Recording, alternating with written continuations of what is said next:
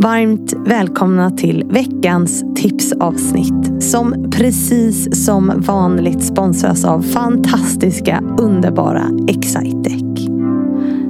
Det här är alltså tipsavsnitt nummer två med Miriam Sinter som forskar om sexism. I söndag släpptes ju ett avsnitt med henne om vad forskningen säger om just sexism och hur den präglar en kultur. Ja, det är enormt avgörande för hur vi mår. Man behöver faktiskt inte vara direkt utsatt utan bara att befinna sig i miljö där det här finns. Det påverkar den psykiska hälsan enormt mycket. Och tänk då vilken skillnad det skulle kunna göra om vi blev mycket bättre på att hantera det här. Eftersom sexism, ja det lever ju i så enormt mycket av det vi gör varje dag. Och i det andra avsnittet med Miriam som släpps på söndag, då pratar vi om det. Alltså hur man kan hantera det för att sprida kunskap och på så sätt kunna bidra till att komma åt den här problematiken. För det handlar ju inte bara om att människor till exempel ska trivas på jobbet utan också om att skapa samma förutsättningar för alla genom hela livet. Även för våra barn. För det är ju faktiskt där det börjar. Så på söndag får ni alltså ett längre och väldigt intressant avsnitt på det här temat.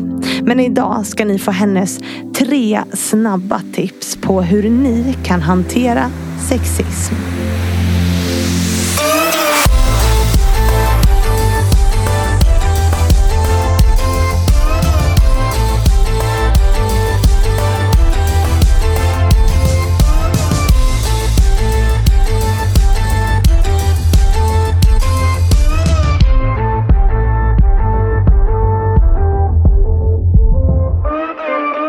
Vi säger hej och varmt välkommen till Miriam Sinte.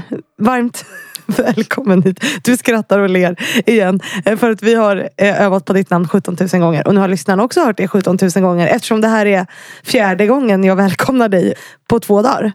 Det är väldigt fint att få en sån välkomnande typ fyra gånger. Ja, eller hur? Det, det, det blir liksom svårt att inleda det här på något nytt sätt varje gång.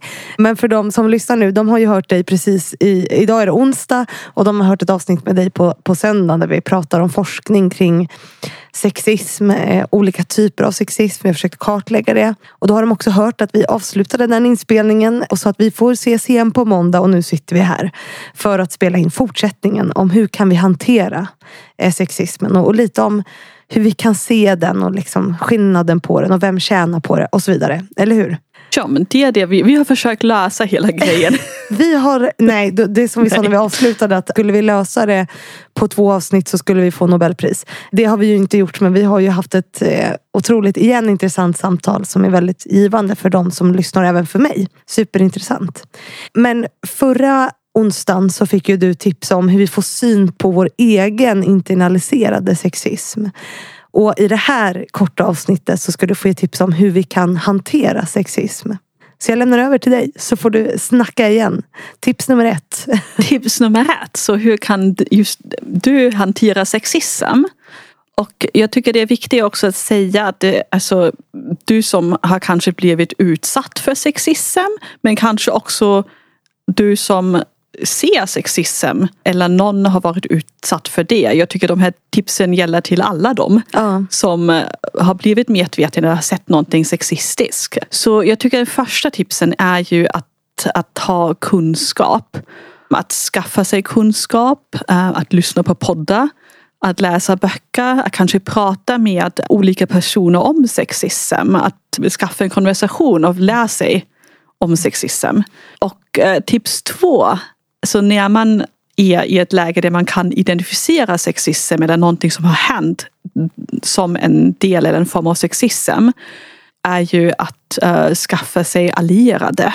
Mm. Det tycker jag är enormt viktigt. Så att vi måste inte vara ensamma eller själva eller ta hela ansvaret att lösa en specifik situation eller en samhällsproblem. Nej. Men att vi kan göra det tillsammans och skaffa allierade som kan vara kvinnonätverk mm. som kan inkludera män. att prata och försöka komma till en lösning tillsammans. Och tips nummer tre skulle ju vara att också vara väldigt snälla mot sig själv om man blir utsatt för sexism eller observerar sexism. Att man måste inte reagera rätt i stunden. Det är okej okay att eh, kanske inte reagera eller att inte reagera direkt. Det är överhuvudtaget också okej okay att bestämma sig att inte konfrontera. Men om man bestämmer sig att man vill konfrontera så får man bestämma sig också att göra det i efterhand. Så man måste inte vara alltid supermedveten eller eh, superobservant hela tiden. Man får ta tid att tänka igenom det som har hänt eller man har sett mm. och hantera i efterhand, gå tillbaka till situationen och söka en samtal senare. Det där är superbra för att det är så himla svårt tycker jag. Jag har också svårt för det att ha så snabba comebacks på eh, dumma kommentarer. Det är inte alltid helt lätt och det kräver ju ganska mycket mod också. Det är väldigt svårt och det kräver mod och det är ju också ibland inte möjligt att reagera mm. på grund av situationen eller den ställning som en person har. Mm. Så jag tycker det är absolut ingenting, uh, man ska verkligen inte klandra sig själv om man har inte reagerat direkt för det händer ju ganska ofta mm. att man gör det.